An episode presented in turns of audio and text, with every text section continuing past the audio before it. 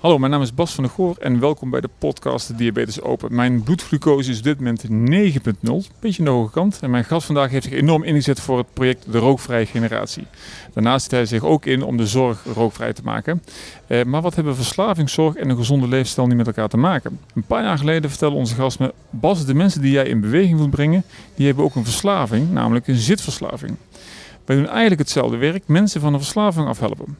Heel graag praat ik verder mee over dit onderwerp met onze gast van vandaag, verslavingsarts Robert van der Graaf. Ben je klaar voor de Diabetes Open? Dan gaan we beginnen.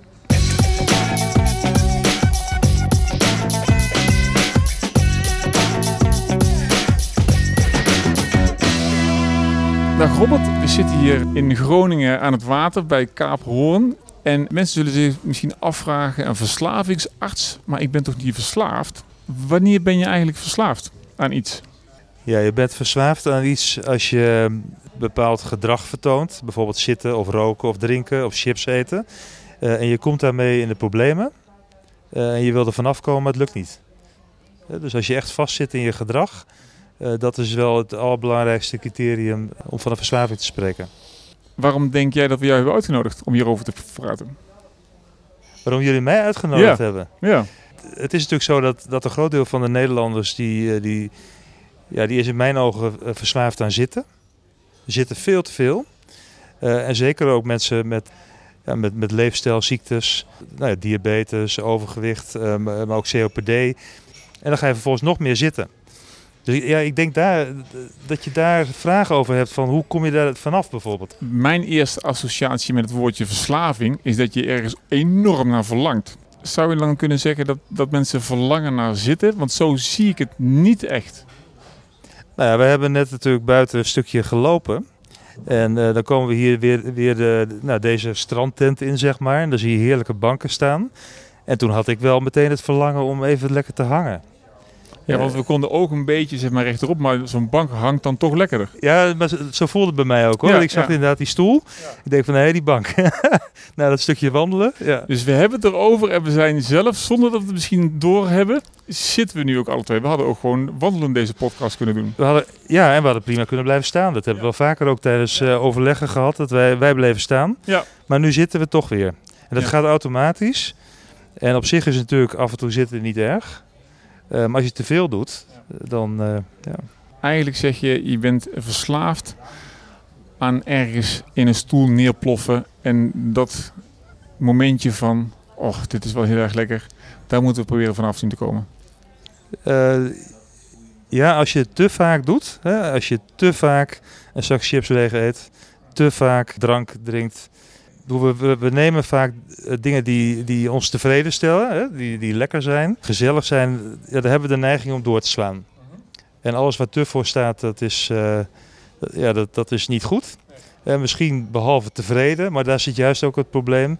Dat de juiste dingen waar we heel tevreden van worden, daar kunnen we weer in doorslaan.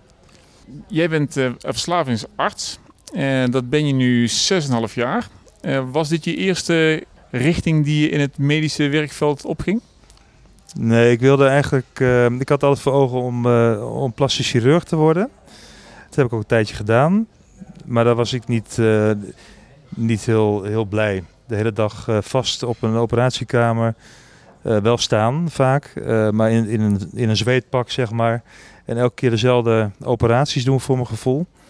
En ik, wilde, ik was ook wel gefascineerd door het gekke gedrag wat we elke keer vertoonden. Dat mensen bijvoorbeeld niet stopten met roken, terwijl ze wel dat, dat moesten voor, uh, voor hun gezondheid. Uh, en dan gaf ik het advies en dan gebeurde het niet. Uh, of mensen die meerdere keren in een jaar met, onder invloed van veel alcohol met, met trauma's in het ziekenhuis kwamen.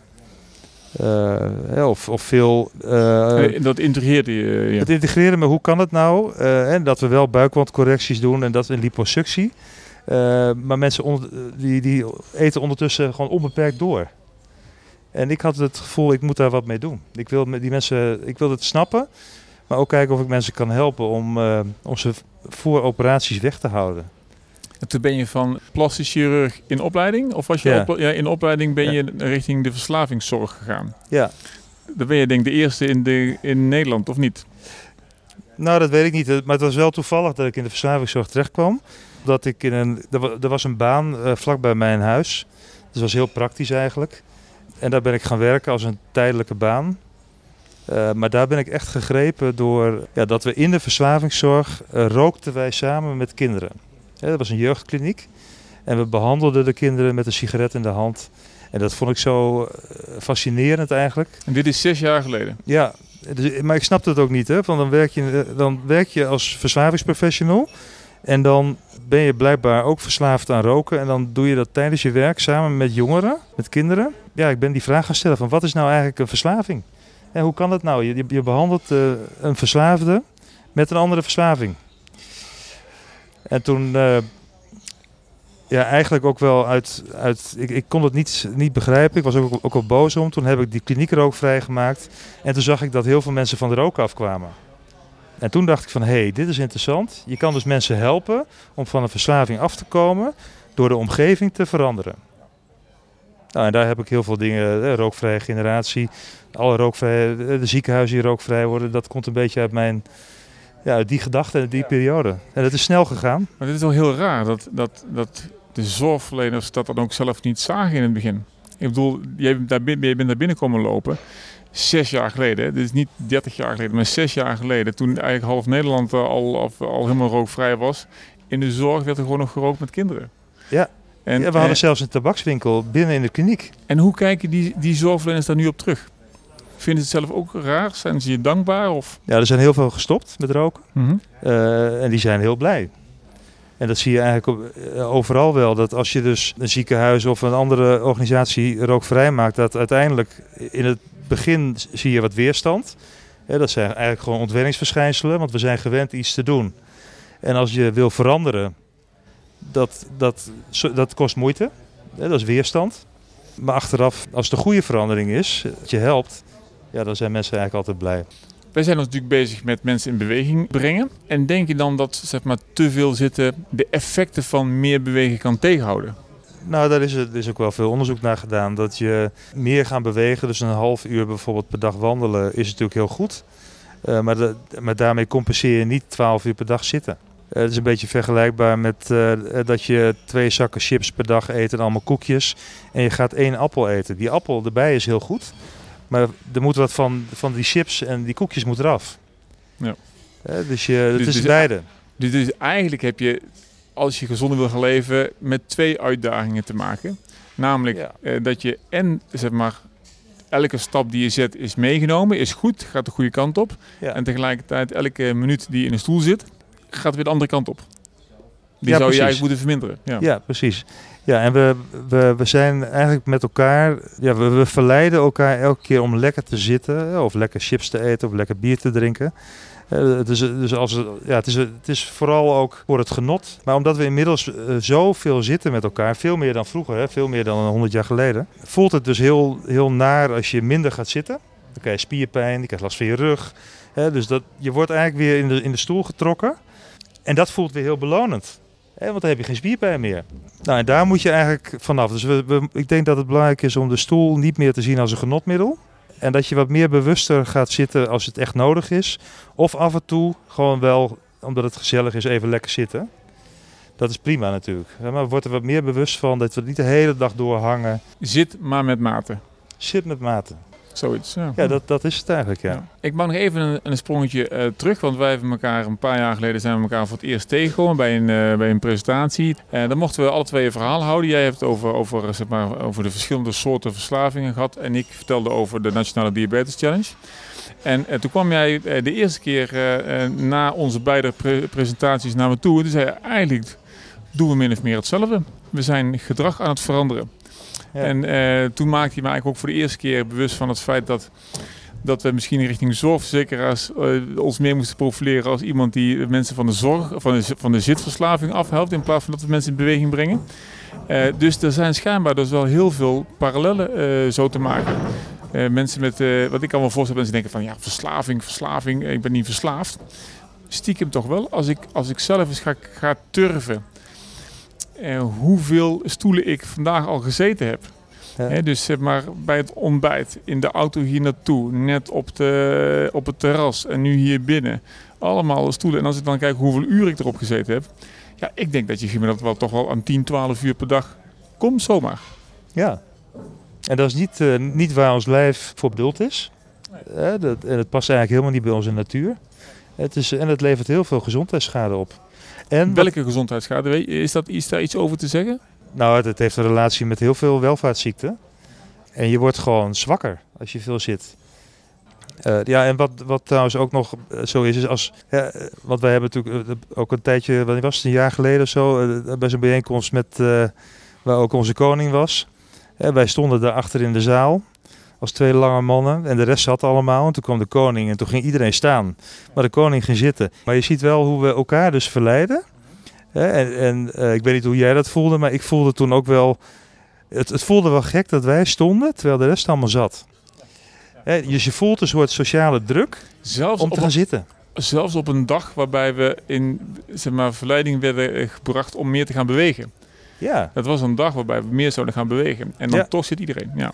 Ja. Dus het zit, het zit schijnbaar toch, dan toch heel diep in het systeem om bepaald gedrag eruit te krijgen. Om je om überhaupt bewust te worden van het gedrag wat je, wat je, wat je hebt. Als het gaat Ja. over zitten en bewegen. ja. En dat is zeker voor mensen die dus al lichamelijke klachten hebben, lichamelijke ziektes. eh, eh, waarvan je weet dat eh, meer bewegen, minder zitten heel positief gaat zijn. Ja, dan is de eerste stap toch wel om daar heel bewust van te worden. Eh, te snappen hoeveel uren je zit en waarom je overal zit. Hoe werkt dat in de verslavingszorg? Stel, je probeert iemand van het roken af te... En wa- wa- wat is dan zeg maar, de eerste stap die je zet? Nou, wat we vaak mensen adviseren is om, eh, om een soort dagboekje bij te houden. Hè, dus op te schrijven, eh, eerst maar eens te turven van hoeveel sigaretten rook je nou per dag of hoeveel drankjes drink je per dag. En dan schrijf je vervolgens op van, ja, wat was nou de aanleiding? Nou, bijvoorbeeld, eh, mijn, buurman die zei, wil je ook even een sigaretje? En eh, de volgende was van, ja, eh, bij het opstaan, want dit doe ik altijd. Dus dat je ook opschrijft van waarom deed je dat dan? Dat was de aanleiding. En dan, dan word je er bewust van en dan kan je ook gaan kijken van, hey, zitten daar patronen in? En kan ik die aanpakken? Kan ik die rituelen, want het zijn allemaal gewoontes vaak, kan ik die, die veranderen? En dat kan je met zitten dus ook doen. Dus door inderdaad op te schrijven van eh, hoeveel stoelen zit ik, waarom zit ik er, hoeveel minuten zit ik daarop. En dan eens te kijken, kan ik een van die stoelen, waar ik dus elke dag blijkbaar veel op zit, kan ik die eens overslaan? Of gewoon verkopen. Of verkopen? Ja. Ja. dan kun je er ook niet meer in zitten. Ja. Nee, precies. En als je dus lopend naar, je, naar de supermarkt gaat in plaats van met de auto, en dan heb je die stoel van de auto heb je al vervangen. En dan beweeg je meer, maar je zit ook minder. En eh, oké, dan heb je, dan heb je een, een overzicht. Ik kan me voorstellen dat veel mensen schrikken van het overzicht. Ja. Dat ze dan denken van, niet alleen van, oh heb ik zoveel sigaretten gerookt of heb ik zoveel gezeten. Maar eh, misschien ook om de, de achterloosheid waarmee het gebeurt. Dat, Ja. je, dat je eigenlijk niet bedenkt waarom je dat doet, maar dat het gewoon gebeurt. En eh, Ja. hoe, hoe kun je dan daar nog een, een, een stok tussen krijgen? Dat je, dat je gaat afvragen dat het niet een soort van automatisch gedrag eh, blijft. Dat je er echt iets mee kunt. Hoe, hoe, Nou ja, meten is weten. En we hebben vaak wel een idee wat we doen, maar we weten het niet precies. Dus, dus opschrijven in een dagboek en daar ook met anderen over praten. Dat kan bijvoorbeeld met een, met een hulpverlener als je die hebt, met een leefstijlcoach, of, maar ook met je partner of, eh, of, of vrienden. Gewoon dus daarover hebben en dan kijken van kan ik daar, wat kan ik daar voor kleine stapjes, kan- kleine dingen in veranderen. Ja, want ik, ik moet denken aan een verhaal van Henk Bilo. En die had ooit een keer, die zat op de eerste verdieping in het ziekenhuis. En als de patiënten vertelt, als je zo meteen hier weggaat, dan moet je maar eens gewoon de trap nemen in plaats van de lift. Ja. En die had daar een student neergezet, die moest dat de hele dag turven. En die heeft dat geturfd. En hij heeft bij het volgende gesprek de mensen mee geconfronteerd met wat ze beloofd hadden en wat ze gedaan hadden. Ja, en iedereen was gewoon weer in die lift gestapt. En toen hij hen daarmee confronteerde, toen had iedereen zoiets van...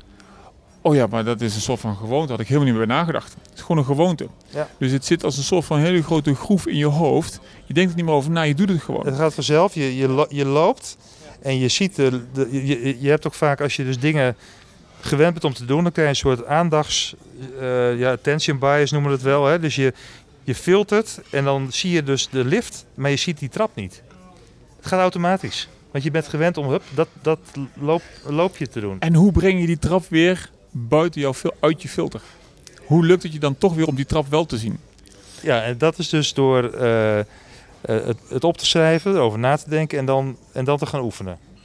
Hè, en hoe vaker je de trap neemt, hoe meer dat ja, voor in je hoofd komt, zeg maar. Hoe makkelijker dat ook gaat en hoe minder die, die lift uh, aantrekkelijk wordt. Dus het is eigenlijk is het jezelf, dat is gewoon trainen. Hè? Ik bedoel, we hebben allebei uh, veel gesport.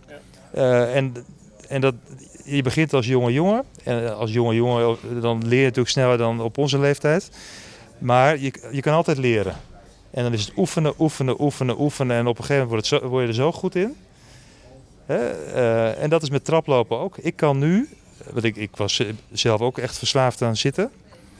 Uh, jarenlang. Ik kan nu zo naar de 15e verdieping lopen. Kost, je voelt hem wel. Maar ik heb nu zoveel trappen gelopen. De afgelopen twee, anderhalf, twee jaar. Dat ik dat kan.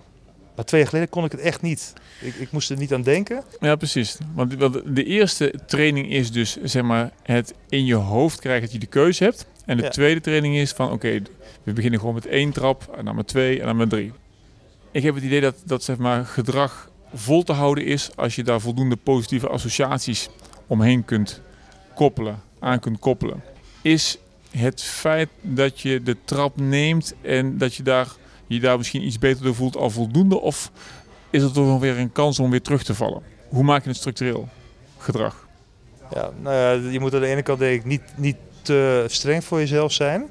Dus als je, als je toch eens een dag weer helemaal de, de, hele dag hebt gezeten en niet die trap hebt gelopen, dat je niet meteen, meteen denkt van oh, dit is kansloos. Want dat, dat hebben natuurlijk veel mensen die willen veranderen en het mislukt en dat je op een gegeven moment je kop laat hangen. Maar dat moet je niet doen. Het, het gaat er eigenlijk om dat je het zoveel mogelijk moet proberen, trap te lopen. Uh, en als je, al heb je een halve trap gedaan, je gaat weer terug, beloon jezelf. Geef jezelf een schouderklopje. wees daar trots op, want dat is een bewijs dat je op de goede weg bent. Als je een trap ziet, dan heb je even de mogelijkheid om snel even dat kleine korte wandelingetje tussendoor iets heftiger te doen, waardoor je het effect hebt dat het voor jou beter is. Mm -hmm. En dan zie je het dus als een kans. Dus soms dan ja. hebben mensen het idee van, ik heb geen zin in een trap. En sommigen denken van, hé, hey, kan ik mooi even snel en dan, dan ben ik weer drie minuten even wat actiever geweest. En voor mij is ook een beetje de kunst om, om die houding aan te nemen of te ja. krijgen. Ja, want dan wordt het allemaal een stuk makkelijker. Dan is dezelfde activiteit veel positiever. Ja, ik, wat, wat ik bijvoorbeeld doe, wat ik, ik sta eigenlijk de hele dag tijdens mijn werk. En wat, wat, je, wat ik dan bijvoorbeeld doe, dan pak ik de stoel en die zet ik op de tafel. Want dan kan ik niet zitten. En dan zet ik mijn laptop op de stoel, dan heb ik staattafel. Dus ik wil ook eigenlijk geen staattafel, want die maak ik zelf. Of ik zet de dozen op en dan kan ik die doos stillen. En ik denk dan uh, bij dat soort dingen, maar ook bij het trap nemen, denk ik van, ik kan gewoon gratis sporten in de, kost, in de tijd van de baas. Ja. Ja, dus ik hoef niet naar een sportschool, want ik ben de hele dag een beetje aan het trainen. Denk je nu dat mensen denken van, ah, dit zijn twee sporters, uh, die zijn een beetje maf, gaan allemaal spelletjes bedenken. Maar in principe kun je het gewoon ook zelf uitvoeren. Nou ja, het is natuurlijk een beetje, nou ja, net als Erik Scherder, hè, die is ook, maar dat, zo voel ik me ook wel een beetje. En je hebt nog zo'n Zo'n man, ik, ik ben zijn naam kwijt, maar die heeft op internet een heel mooi filmpje over Never Leave the Playground. Eh, dat is een gepensioneerde man die op latere leeftijd is gaan spelen. Wat hij eigenlijk, uh, net als, als vroeger. Dus die maakt van allerlei creatieve dingen die hij in, dus hij ziet ergens een balkje op de grond liggen en dan gaat hij daar gewoon over lopen. Een balansoefening. en hij ziet een balletje en dan, nou, dan probeert hij dat balletje probeert hij weer, net als toen we kind waren, uh, de trap op, omhoog te, te, schoppen. En dan is hij weer bezig. En het, ja, het is, zo maak je het wel leuk voor jezelf. Gewoon de hele dag uh, zoeken naar mogelijkheden, kansen om iets op te tillen. De krachtoefening, uh, even een trap te pakken.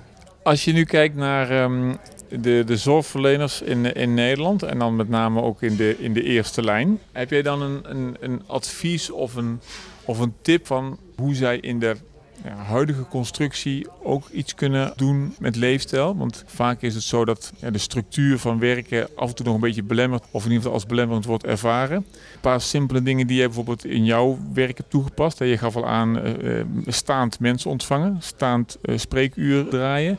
Ben je nog andere, andere manieren tegengekomen? Ja, het hangt natuurlijk een beetje van je werk af. Maar ik vind bijvoorbeeld wel, als je naar je hele patiëntenpopulatie kijkt, dat je, wat, wat, wat jij natuurlijk ook doet, dat je groepen mensen dat je gaat wandelen. Dat vind ik echt een hele mooie. Dat je uh, groepen bij elkaar brengt, zodat mensen elkaar kunnen ontmoeten, kennis kunnen delen en dan te gaan bewegen. Ik vind het prachtig. Ik sprak laatst een huisarts die is bijna met pensioen en die wil een soort beweeg eh, voor zijn patiënt in het dorp. Gaat hij eh, bij een fitnessschool gaan ze beweegprogramma's doen. Nou, dat is natuurlijk prachtig. Dat is heel lastig als je 10 minuten hebt per patiënt of 5 minuten en je, je, je moet een druk spreekuur doen. Um, maar ook dan kan je dus wel inderdaad staand mensen ontvangen. Uh, en niet automatisch uh, zeggen van gaat u lekker zitten. Uh, maar, maar bied het aan van zullen we blijven staan of zullen we zitten. dan maak je het net wat, het zitten wat, wat minder normaal. Ja. Maar je geeft mensen ook de kans. Want als je zegt van gaat u lekker zitten. En stel je voor je hebt een patiënt voor je die eigenlijk wil blijven staan. Want die heeft net met de auto al een kwartier gereden. Die geef je helemaal niet de mogelijkheid om te staan. En wat volgens mij belangrijk is, is dat je ook je wachtkamer en je hele praktijk uh, zo inricht dat mensen weten dat het eigenlijk altijd over leefstijl gaat. Mm -hmm. En dat, het, dat je er altijd over kan hebben. En wat kun je daarmee doen? Gewoon uitnodigen, nodig alle mensen uit om het erover te hebben met, je, met de praktijk ondersteunen, met de huisarts. Dat je altijd de vraag kan stellen. Hè, en zorg dat je als praktijk uh, de juiste websites op orde bij elkaar hebt, dat je makkelijk mensen kan verwijzen. Uh, dat je natuurlijk ook de verwijsmogelijkheden hebt voor de serieuze hulp. Hè? Leefstijlcoaches, rookstopcoaches, verslavingszorg. Ja, dus probeer zowel je fysieke omgeving van je praktijk uh, om, om te bouwen. Dus minder stoelen, meer staattafels, staanmogelijkheden, posters, folders. En nodig mensen uit om, om in gesprek te gaan. Ja, en wat ik ook wel, daar ben ik zelf met mijn vrouw ook wel mee bezig, zij is huisarts ook.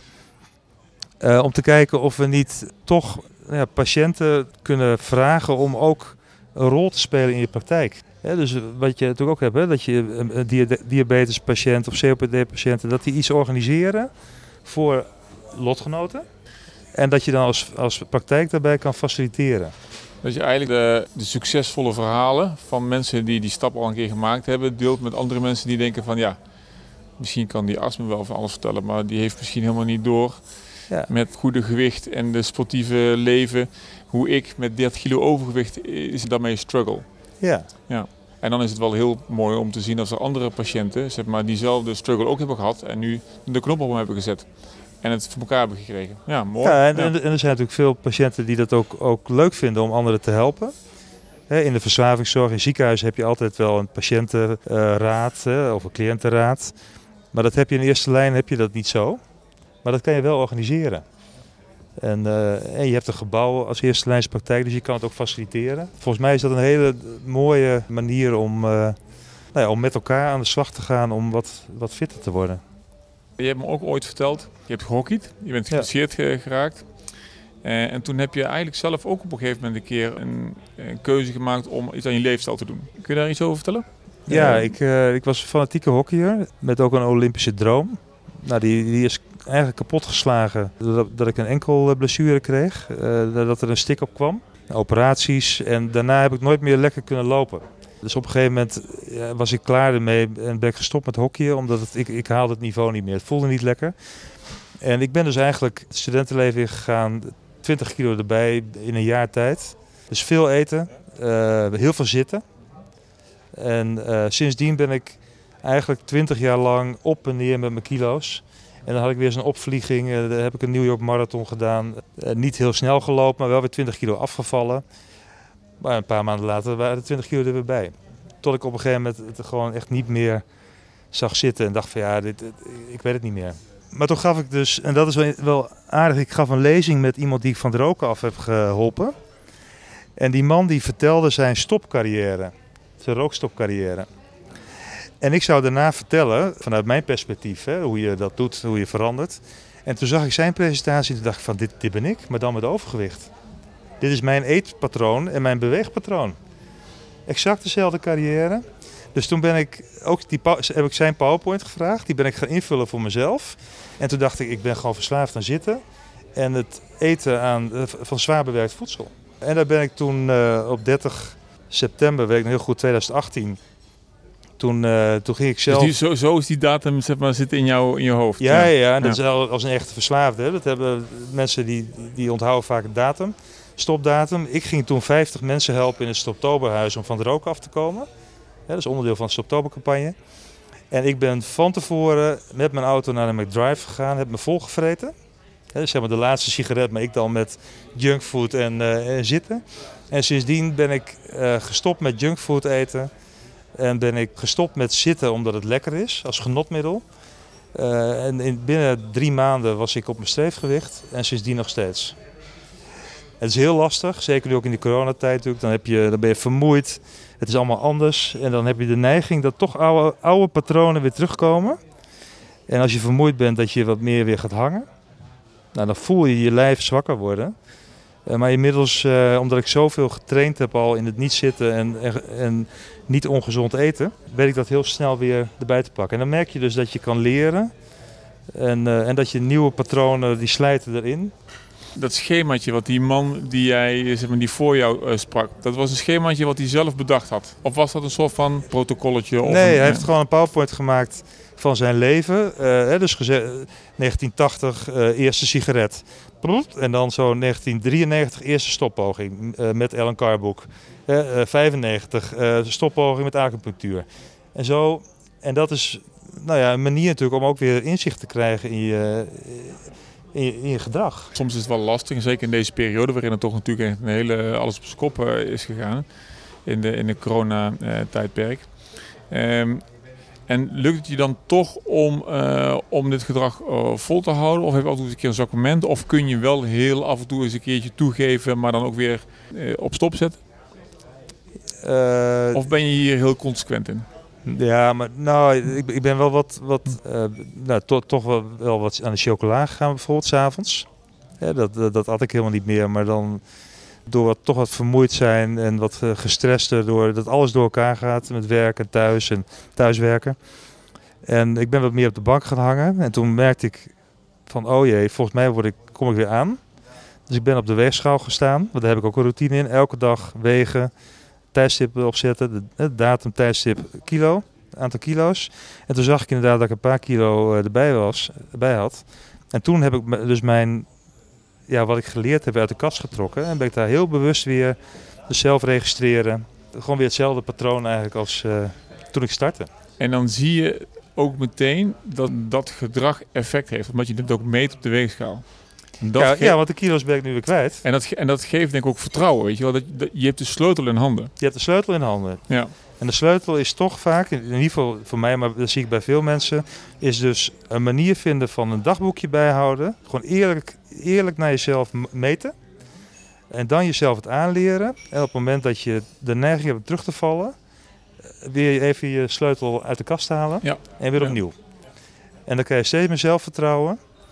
En eigenlijk ja. zou je ook kunnen zeggen dat we dat nu ook wel met het, met het wandelprogramma willen doen. He, dus als je toch een beetje, we, we, merken dat, dat, dat heel veel mensen al wandelen, maar sommigen die hebben ook wel een beetje een gebrek aan vertrouwen in ja, wat de medicatie die ze nemen en het feit dat ze al een tijdje niet meer zoveel bewogen hebben, gaat doen als ze weer gaan starten.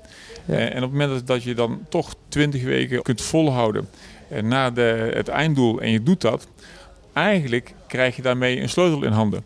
Ja. Die je dan, dan weet je, oké, okay, het kan wel eens een keertje tegenzitten, maar als ik dat doe, als ik weer ga wandelen, dan krijg ik mijn controle weer terug. Ja, ja dus elke keer als je dus, dus uh, ja, het juiste gedrag doet, is een soort bewijs dat je, dat je het kan. En, en, en, en dat is beloning op zich. En dat is een beloning op zich. Ja. En, uh, en het, hoeft, het hoeft allemaal niet zo groot te zijn. We willen vaak wel hele grote dingen, zo snel mogelijk. en dat is, ja, dat is eigenlijk ook wel het linken natuurlijk van al die genotmiddelen. Want dat geeft zo'n enorm onmiddellijk belonend gevoel, wat vaak voldoende is. En als je gaat veranderen, voelt het vaak wat minder, minder belonend. En dan moet je het toch een beetje in je hoofd ook doen. Hè? Gewoon maar uh, fe ja, een feestje vieren. Ik, ik, ik vier nu ook een feestje omdat ik die kilo's weer kwijt ben van de afgelopen maanden. Ik en hoe vier je dan een feestje? Gewoon ja, voor jezelf, in ja, je hoofd? gewoon in mijn hoofd. En dat ik denk van ja, dat is gewoon... Gewoon, gewoon fijn. En dan sta je weer voor de spiegel en denk hè, het, het is weer... Uh... Ja, dat is, dat is gewoon uh, kwaliteit van leven. Dat is het feestje. Ja, dat, dat, dat is het feestje. Ja. ja. Het is klein, maar ja, dat is, dat is ook fijn. En als je nu, uh, stel uh, je wilt wat gaan veranderen en je rookt en je wilt meer gaan bewegen. Is het dan juist goed om alles in één keer te doen? Of zeg je van nou, doe maar één project tegelijkertijd. Dus probeer eerst te stoppen met roken. En als dat gelukt is, probeer dan zeg maar, te stoppen of te, te gaan starten met bewegen en stoppen met meer zitten. Nee, ik zou, ik zou alles tegelijk doen. Ja, zoveel mogelijk tegelijk. Ja, en als het uh, voor jezelf te veel is, uh, zorg dan dat je, uh, dat je naar, naar, je huisarts gaat of de praktijkondersteuner. Vraag even hulp om een plannetje te maken. Mm -hmm. maar het beste is om het tegelijk te doen, omdat ik bedoel, veranderen is veranderen. En het is vaak aan elkaar gekoppeld. En je ziet heel vaak dat als mensen zeggen van nou, dan stop ik eerst met roken, dan komen de kilo's eraan. Ja, dan gaan ze meer snijden. of, dus het, het is ook vaak aan elkaar gekoppeld. Je kan beter in één keer zeggen van oké, ik wil fitter worden. Uh, ik rook te veel, ik drink te veel, ik snack te veel, ik zit te veel. Uh, dan ga ik met alle vier aan de slag. En dan hoef ik maar één keer te veranderen. En dat kost het duurt eventjes. Maar dan stap voor stap ga je dat allemaal minderen en, uh, en wordt het beter. Kan verslavend gedrag ook besmettelijk zijn? Ja, dat, dat is met een ongezonde leefstijl ook een van de grote problemen. Want het feit dat we zoveel zitten, komt voor een belangrijk deel omdat zoveel mensen zitten. We verleiden elkaar om te zitten. En, en dat geldt ook voor roken, geldt voor drinken, geldt voor chips eten. Uh, dus het is uh, eigenlijk heel besmettelijk uh, gedrag. En het is dus heel belangrijk ook dat je realiseert als jij gaat zitten op de bank met een biertje en een chipje. En je kinderen komen ook. die hebben de neiging om het te gaan kopiëren. En dan mogen ze misschien nog geen bier drinken. Maar een chipje willen ze wel en die krijgen ze dan ook. En dan gaan ze op de bank hangen. En voor je het weet, dan, dan, ja, dan nemen zij dat gedrag ook over en wordt het voor hun ook een gewoonte. Of een verslaving. Ja, we noemen welvaartsziekten vaak uh, niet overdraagbare ziektes. Hè, corona is het wel, hè, dat is een besmettelijke ziekte. Mhm. Maar eigenlijk zijn welvaartsziektes ook besmettelijke ziektes, omdat het gedrag Cultureel besmettelijk. Cultureel, Sociaal- ja. cultureel sociaal overdrachtelijk. Ja, dat is sociaal besmettelijk. Eh, en dat geldt dus voor verslavingen, dat geldt voor ongezond gedrag. En het is belangrijk dat we daar wat rekening mee houden. En, en dan is de verantwoordelijkheid van degene die zeg maar, wat hoger in die hiërarchie staat om het goede, goede gedrag voor te doen. Dat helpt enorm. Ja, als jij bijvoorbeeld een, eh, de directeur bent van een organisatie en je, je geeft een goede voorbeeld, dan gaat je hele organisatie gaat fitter worden. Ja, dat geldt ook in een gezin. Als, één, als een vader bijvoorbeeld eh, gezonder gaat worden, gaat het hele gezin langzaam mee. Eh, een huisarts die een patiënt van het roken afkrijgt, dat is heel belangrijk, want dan gaan in die omgeving van die roker gaan allemaal mensen ook eh, veranderen. In hun hoofd of daadwerkelijk in gedrag. Ja.